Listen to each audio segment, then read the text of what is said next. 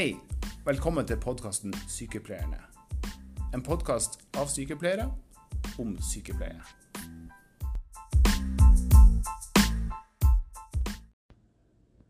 Forestill deg at du har ansvar for en pasient som plutselig går fra å være stabil til ustabil.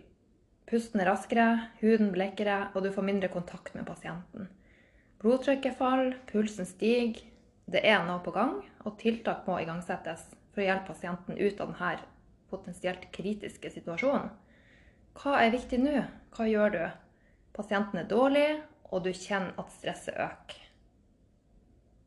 Og disse situasjonene det er jo mange helsepersonell som har opplevd, eller kommer til å oppleve i framtida. I denne episoden så ønsker vi å ta for oss hvordan samarbeid og kommunikasjon kan bidra til å få pasientene ut av denne situasjonen. Og hvorfor er det så viktig? Og I dag så har vi med oss anestesilege Marie Rønning Madsen og intensivsykepleier Trine Ernstsen. Velkommen skal dere være. Takk, takk. Og dere har jo begge lang erfaring innenfor akuttmedisin, både utenfor og i sykehus. Og jeg har jo mine mistanker om at dere har lang erfaring med å samarbeide også. Eh, Det skal vi komme tilbake til. Eh, Først så kan dere jo si litt om dere sjøl. Så Trine, hvis du begynner. Ja, det kan jeg godt gjøre. Jeg har jobba som sykepleier siden i 1998. Da var jeg ferdig på, med grunnutdanninga. Og etter tre år så gikk jeg videre og tok intensivutdanninga. Så nå har jeg 20 års ansiennitet som deg også. Og egentlig i sin helhet så har jeg jobba i intensivavdeling. mm. Ganske store deler av de 20 årene. Jeg har vært innom eh, universitetet og tatt en master og jobba på videreutdanninga der. Men eh, i intensiv. Men eh, så i 2013, som nå blir åtte år siden, Ja. eller ni, herlighet, det går fort, eh, så har jeg jobba på ambulansefly i delt stilling opp mot sykehuset i halv eh, stilling mot intensiv Mm. i- på halv. Ja. Mm. Du har gjort mye forskjellig. Ja, litt av hvert. Ja. Litt av hvert. Ja, Og du Marie. Ja, jeg er overlege her på anestesi intensiv. Begynte å jobbe med anestesi for 15 år siden. Og så begynte jeg fast på ambulanseflyet for 13 år siden. Så det har blitt noen flyturer gjennom den tida. Mm. Eh, Dere er jo invitert med hit eh, fordi at dere har mye erfaring og mye kunnskap. Og det tenkte vi kan være veldig lærerikt for andre, sånn at de også kan handle riktig i en situasjon hvor pasienten plutselig blir ustabil. Eh, Hvilke erfaringer har dere med å transportere pasienter som blir ustabile? Og hva tenker dere, hva er viktig å tenke på når man jobber med de pasientene? Det første er jo kanskje å, erkjenne tidlig hvilke pasienter som bærer med seg en risiko for å bli dårligere under transport. Mange pasienter er jo veldig stabile der de er i sykehusavdelinga si. Og eh, det aller viktigste er jo at vi ikke påfører pasienten nye problemer. Eller gjør transporten til en, eh, en risikabel prosess for den pasienten. Så er det det at det kan alltid skje ting når vi flytter på pasient og utstyr og respiratorer og det vi måtte ha med. Og da må vi tenke bestandig på at vi har en plan for hva vi skal gjøre hvis noe går galt. Av og til er det forutsette problemer som oppstår ut ifra hvordan pasienten var før vi dro. Og av og til så dukker det opp ting hvor vi må improvisere. Og da er det ekstra viktig at vi kjenner hverandre og klarer å ha en god eh, og effektiv dialog om hva som er best å gjøre i de gitte situasjonene. Så en plan er viktig. Og I den planlegginga så føler jeg ofte at eh, mye av eh, sparringspartneren som vi legene trenger, den ligger jo i den erfarne sykepleieren vi har med oss. Ofte kjenner vi hverandre fra før, og i planleggingsfasen er det godt rom for å diskutere for og imot, og hvilke tiltak som vil være eh, hensiktsmessig i de forskjellige situasjonene. Får man også en slags mental gjennomkjøring av forløpet og transporten hvis det er forventa problemer særlig. Men eh, Trine, du har kanskje jobba både i team og alene på ambulanseflyet. Mm. Hva du tenker Nei, som hun Marie er inne på, så er det jo eh, helt sånn praktisk så er det jo en del av oppdragene våre som er kategorisert som legetur og som ikke legetur. Og de legeturene er jo med de dårligste pasientene. eh, Der man potensielt kan få en del problemer med, og der man også, det handler også om arbeidsmengde, at man bør være to. mm. Um, vi har jo også en del oppdrag som er der man jobber alene. Og der man må det her sier med ha en plan blir veldig viktig ut fra Mm. hvordan man, uh, hvordan man uh, gjennomfører det oppdraget. Det her med pasientopplysninger, uh, hvor får du de fra? Vi får jo oppdragene våre fra en ANK-sentral som sitter litt perifert. Og da kan vi gå inn i DIPS, eller vi kan ringe rekvirenten som vil ha oppdraget for å høre status på pasient. Mm. Eh, Jeg har vel lært meg etter hvert som jeg jobber at det enkleste er å snakke med den som står nærmest pasienten. Og det er ofte sykepleier på post. Ja. eh, Som kan gi meg opplysninger i sanntid om pasienten sin tilstand og hvordan ting har vært. Eh, Skal man legge en plan, så må man jo ha den beste forutsetninga for å planlegge. Og da er det å få de, de mest korrekte opplysningene. Mm. Som Marie også er inne på, så, så det her med å jobbe i lag Vi har jo alltid en flyvakt, eh, en lege som er flyvakt, Mhm. som man kan bruke eh, for å planlegge og hjelpe, eh, hjelpe oss å sortere tanker og mulige hendelsesforløp. Så før turen Mm. kan man diskutere. Ja, og det er jo noe som vi med nye flysykepleiere, og da jeg var ny også, som ble veldig sånn innprinta med å huske at du kan kontakte din, din lege og snakke. Mm. Så det er jo noe som man ofte gjør også i forhold til når man har en tur som man kanskje ikke føler at man eh, helt vet hvordan ting vil eh, bli. Så kan man snakke med legen og ha noen sånne gode råd Mm. bak eh, lomma. Og er det sånn at legen hører hva jeg sier, og sier nei, det her skal ikke du ta alene, så får man støtte på det. Mm. Så det, det, det, sånn sett så har vi et veldig godt samarbeid. Trenger lege, så får jeg det. Det høres veldig trygt ut. Det er veldig trygt. Ja. Det er akkurat når du er i den fasen, så er det veldig trygt. Mm. Men som Marie sier, vi er jo, eh, det er jo hele tida mennesker vi har med å gjøre. Og det er veldig sånn Det kan jo oppstå problemer underveis som du ikke visste Mm. før du tok av. Så det gjelder å tenke på det òg. Ja, hva gjør du da hvis det blir et problem og du er alene? På? Nei, da må man jo agere etter, eh, etter hva man, eh, hva man ser. Mm. De tiltakene som man tror blir nødvendige. Mm. Har man en pasient som blir lav i trykk, så må man jo tenke på hva er, hva er det, hvorfor er pasienten i flyet. Mm. Er det et hjerteinfarkt? Er det et blødningssjokk? Er det en kirurgisk medisinsk pasient? Er det, er det hjertesvikt? Altså du, ja, det er sammensatt, men du må, bruke, du må bruke de opplysningene du har, og den kompetansen du har, og så må du iverksette tiltak etter det. Og det er klart at um, det er Når du er inni det flyet som vi nå snakker om, som kanskje blir litt mye snakka om, men det er nå det jeg er vant til, da. Så når du lukker den døra, så er du ganske sånn skjerma fra, omverdenen. Så du må, det å ha en plan og vite hvor ditt eget utstyr er, og hva du kan gjøre med det, er veldig viktig. Eh, Så for det blir litt annerledes enn på sykehus der du har ressurser rundt deg, men så i flyet så er de De er veldig Da er det du. Ja. Mm. Men ringer du, kan du ringe til AMK, eller kan Du du, kan ringe. ha Du kommunikasjon kan, med legen? Du kan ha kommunikasjon, Mm. Faktisk. Mm. Vi har uh, muligheter for det. Mm. Uh, og vi har jo også andre muligheter hvis det skjer noe underveis, at vi kan uh, lande på en annen flyplass. Vi, kan, vi har ganske stor sånn myndighet til å bestemme om, gjøre om på planer underveis hvis Mm. pasienten blir dårlig. Hva tenker dere er det beste med å jobbe i et team? Hva er det som er så bra med det? Jeg tenker at Det aller aller viktigste er at vi får støtte fra hverandre. Spiller hverandre gode. Det ser man jo særlig i et fag som vårt med akuttmedisin, anestesi og intensiv, at vi er ekstremt avhengige av hverandre. Alle som jobber er kjempeviktige for at vi skal få til det beste for pasienten. Og veldig ofte så er det også sånn at leger og sykepleiere i vårt miljø buffrer veldig for hverandre. Det kan være sykepleiere som står med for dårlige pasienter mens de venter på at legen kommer seg til stedet pga. en annen dårlig pasient de står med. Eller det kan være at vi rett og slett bare må tenke høyt og hjelpe hverandre. Og her er også erfaringsbanken til hver enkelt eh, lege eller sykepleier veldig viktig. Mm. Det er ikke sjelden at eh, erfarne overleger får hjelp av erfarne intensivsykepleiere som kjenner igjen noe de hadde på vakta uka før, eller en dårlig pasient de hadde året før. Og så er det den brikken som faller på plass. Mm. Så jeg tror hele tida det å, å klare å spille hverandre gode, tenke på at vi alle har en veldig viktig rolle, det er kjempeviktig. Og så syns jeg òg den ærligheten vi er ganske flinke til å gi hverandre på hva vi er ukomfortable med, hva vi ikke føler oss så sterke på faglig, den bidrar også til at vi drar fram det beste i teamet hele tida. Eh, for det er en kjensgjerning at vi kan ikke være best på alt innenfor hele fagfeltet. Eh, men det skaper en trygghet at folk tør å være ærlige om det og ikke bløffer. Men er det utfordring da hvis det kommer nye inn i teamet som dere ikke kjenner så godt?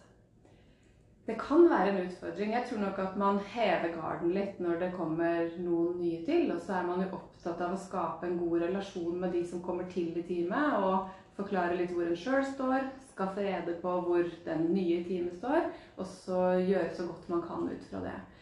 Eh, I sjeldne situasjoner på ambulansefly vil det jo også være aktuelt selv med to erfarne, altså lege og sykepleier, å ta med en ekstra lege f.eks.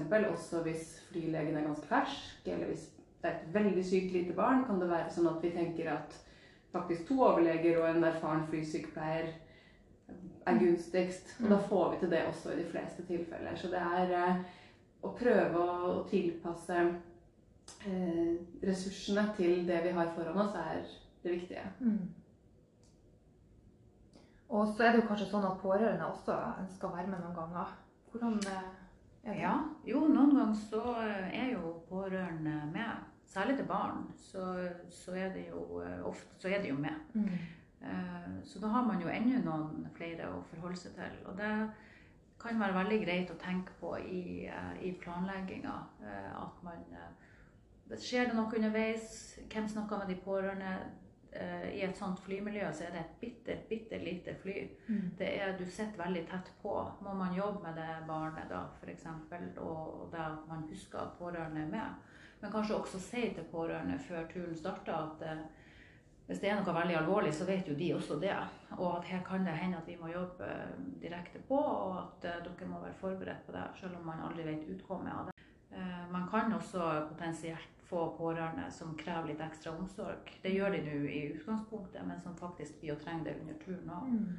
Så det å ha det litt i panna i forhold til å være flere og, og kan trygge alle som er om bord, det er kjempeviktig. En annen ting vi flylegene ofte blir minnet på, det er jo hvilke pasienter dere faktisk flyr eh, med bare to hender, Trine. Dere har nok ganske mange flere pasienter dere flyr alene enn vi hadde hatt lyst til å fly alene. Og det tror jeg har vært med på å lage den oppfatninga som vi flylegene har. At hvis sykepleieren sier at den vil ha med lege, så trenger han ikke å begrunne det nærmere. Det kan være magefølelsen til sykepleieren, det kan være at sykepleieren er sliten, eller det kan være at man bare kjenner at nå hadde vært godt å ha et hode til å spare med og to ekstra hender. Så tror jeg de fleste opplever at de får eh, hjelp med en gang. Mm. Mm. Og det du sier, må bare få sagt det. Altså at, uh, jeg tenker at um, den, når vi snakker om kommunikasjon og det å jobbe i team, så det blir jo veldig spesielt, men i det miljøet som et ambulansefly er, der man er to stykker som er avhengig av hverandre, så blir jo strukturen også ganske flat. Det er jo noen som eh, husker, eller kanskje det var mer vanlig før, at det var et hierarki.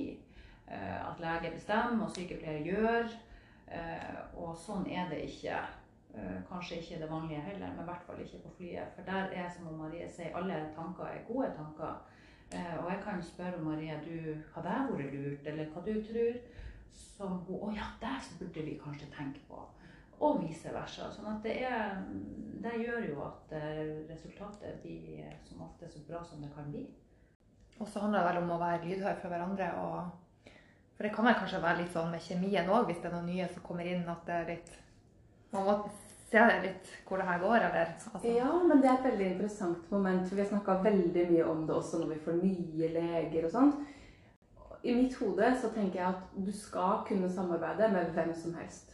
Du skal kunne være høflig og nøytral mot hvem som helst, og du skal kunne klare å jobbe godt med hvem som helst. Og så får man legge kjemien litt til side og prøve å finne alle de kvalitetene og styrkene som eh, alle i teamet har, og så bruke dem så godt man kan. Det var jo et veldig bra råd til egentlig alle i helsevesenet. Tenker det. Ja, det må vi ta med oss.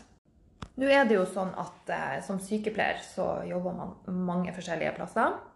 Og det å få hjelp fra lege uansett hvor du jobber, om du er på intensiven, der er det kanskje enklere å få hjelp på sengepost. Litt eh, vanskeligere, tar litt lengre tid.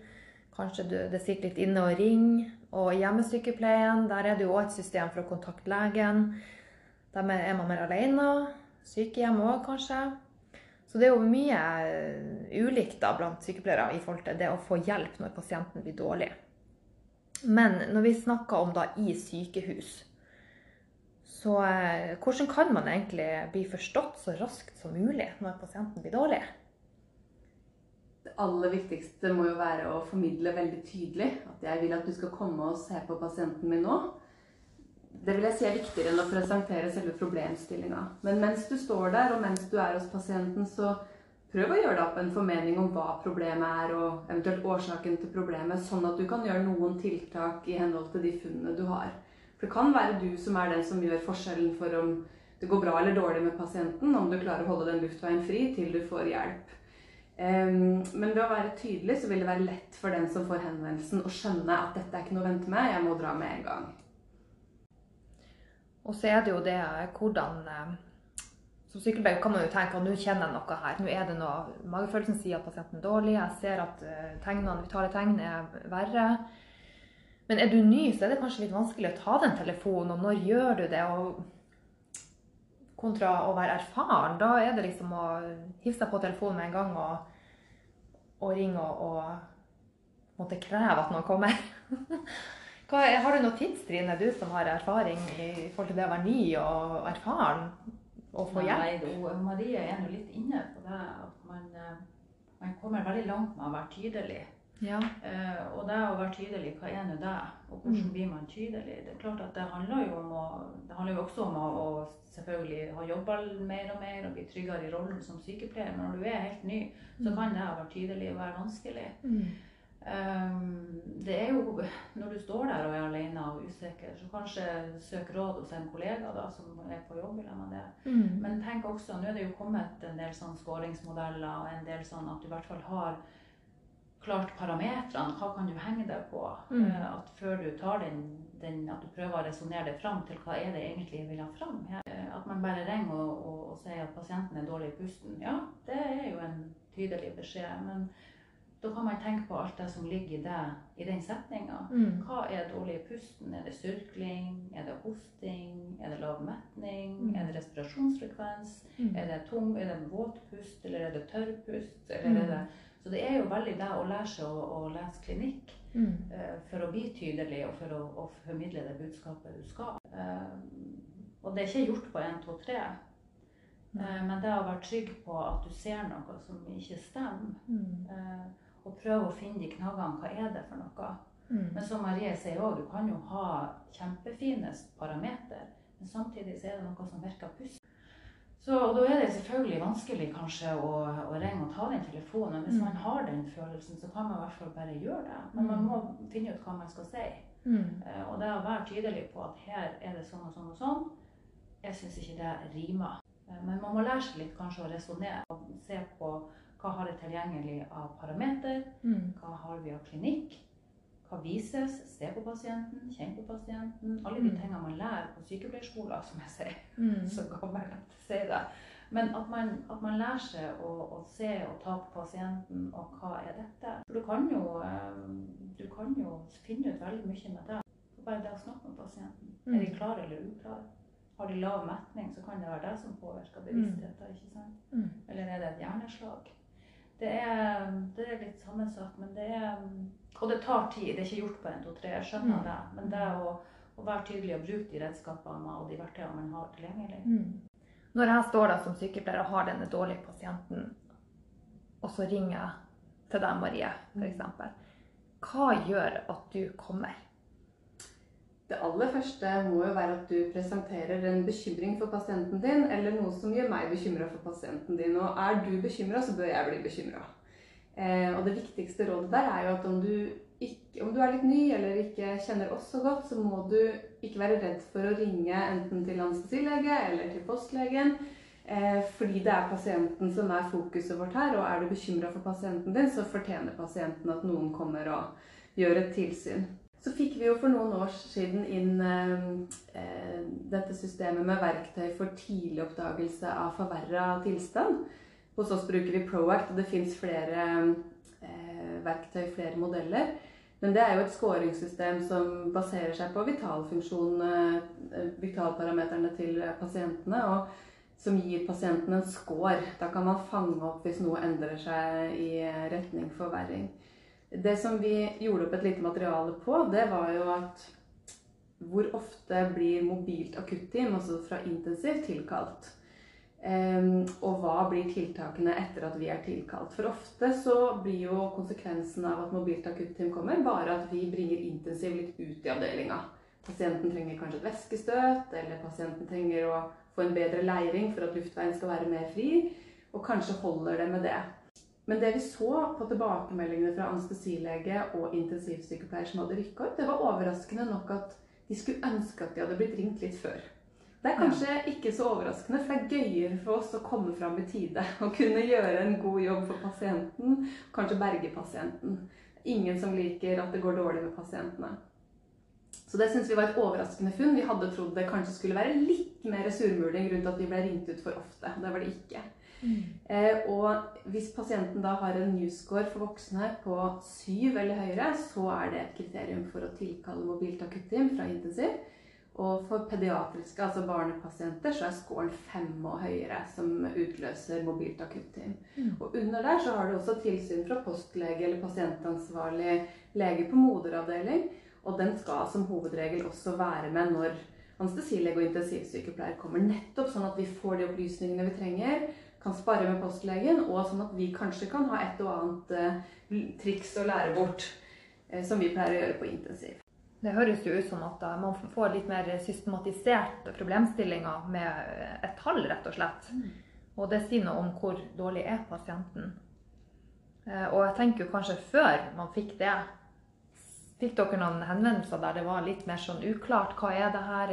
Trenger man bare en vennflon, eller er det en kjempedårlig pasient, eller eller er det ulv-ulv, altså? Det er både og. Jeg syns egentlig ikke man kan ringe for ofte. Hvis man er oppriktig bekymra for pasienten sin, så bør man egentlig bare ringe. Ingen som får dårlig rykte av å ringe en gang for mye. Men det varierer veldig eh, hvor dårlig pasienten objektivt er når vi får en henvendelse. Men det å få objektivisert eh, funnene sine og satt inn i en skala kan i hvert fall gi den sykepleieren som ringer, litt beslutningsstøtte, og kanskje litt ekstra å slå i bordet med hvis den møter motstand da, på at mm. Eh, legen skal komme eller ikke. Og så er det kanskje det at erfarne sykepleiere bruker begreper som er mer kjent innenfor mm. eh, sjokktilstand eller uansett hva det er, mens nye sykepleiere har litt mer den der eh, Det er noe, men jeg klarer ikke helt å sette mm ordet på det. Så. Ja, det tenker jeg òg at det er å, å, ha alle de parametrene eh, som eh, de her skåringssystemene gjør. Det kan jo gi støtte og, og sette ting litt i system for hva, hva, det er. Kan det være eh, at noen er tachykard, og så er de nyoperert, og så er det sånn og sånn, og sånn, så kan det kanskje være et blødningssjokk og pasienten er presjokkert, som vi på intensiv vil si. Mm. Eller ei jordmor som har en fødende som, uh, som plutselig har en kjempepulsstigning og, og, og iskald perifert og alt her mm. tingene som blir satt i system der. Men, det, men de her skåringsparametrene er bra for deg, tenker jeg. Og det å få sett ting litt i system og hjelpe. Så Marie sier at du får støtte på det du egentlig vil ha fram mm. via de parametrene. Og jeg vil kanskje bare støtte litt av Marie sier å ha et sånt team, et mobilt akutteam som kommer fra intensiv, og som blir på en måte en forlengelse av intensiv ut i avdelinga, det er, ser jeg som veldig positivt. At man kan hjelpe folk i rett tid, og at pasientene kanskje ikke trenger å komme på intensiv, men at de kan hjelpes der de er. For En ting som vi ikke har snakka så mye om, som handler om noe annet enn bare å, å kurere og helt sykdom, det er at det er ganske stor påkjenning å bli flytta på intensiv. Eh, det plutselig så kommer du inn i en avdeling der det er mye utstyr, du skal monitoreres, det er ledninger, det er, det er sånn, På kroppen er det mye som er annerledes. Mm. Men samtidig så er det opplevelsen av det. For mange så er det veldig dramatisk mm. av å komme på intensiv. Og ikke minst det for pårørende som kanskje ligger hjemme i sin seng, og så får de oppregning av pasienten er flytta på intensiv. Og kan man forebygge det, så tenker jeg at da har man forebygga en, eh, en, god del mer kostnad for pasienten. Pluss at, plus at sykeleien deres eh, blir antagelig kortere. Mm. Eh, og innleggelsen kan også bli kortere med at de får hjelp i tide. Så det at natteamet kommer ut og hjelper der pasienten ligger fra før, vil være bedre for pasienten enn at den skal flyttes fordi at man ikke har mulighet til å hjelpe den der nede, kanskje. Ja, og det, og det handler ikke om, om belastning eller arbeidsmengde og at vi er arbeidssky på intensiv. Det handler bare om at pasienten får riktig hjelp der han er, og du ser effekt av behandlinga. Mm. Før man skal liksom ta pasienten opp og starte der med enkle tiltak som kanskje har kunnet blitt gjort på post. Mm. Og unngå den turen innom der. Mm. For å oppsummere så kan vi jo si at en forutsetning for samarbeid er kommunikasjon. Og Marie, har du noen sånn take home message her? Det første vil vel være å prøve å være så tydelig som man kan på at man trenger hjelp, eller hva det måtte være. Og så stole på egne funn og den magefølelsen man har. Og så må man huske at eh, det kan være en sjøl som utgjør forskjellen for pasienten sitt utkomme. Og en god medisin mot det å bli veldig redd for å bli stående med en ustabil, veldig dårlig pasient, er kanskje å øve seg på å ønske at man skal være der når det skjer. Så blir man litt herda mot å bli så handlingslamma som man kanskje kan bli de første gangene man opplever sånt. Jeg tror Marie har noen veldig gode poeng der. At man uh, istedenfor å bli uh, lamma av frykt, så skal man heller bli litt inspirert av uh, å bli skjerpa litt. Mm. Og det å oppleve sånne ting Det er klart det kan være ganske traumatisk når det skjer, men hvis man prøver å senke orden og prøver å tenke at her har jeg en unik mulighet til å lære Mm. og stå sterkere neste gang, så gjør man det. Ja. Det er der man blir. Da er man mye mer klar og skjerpa til neste gang det skjer. Mm. For det skjer. Og med det så sier jeg tusen takk for at dere kom og delte av deres kunnskap. Takk for at vi fikk komme.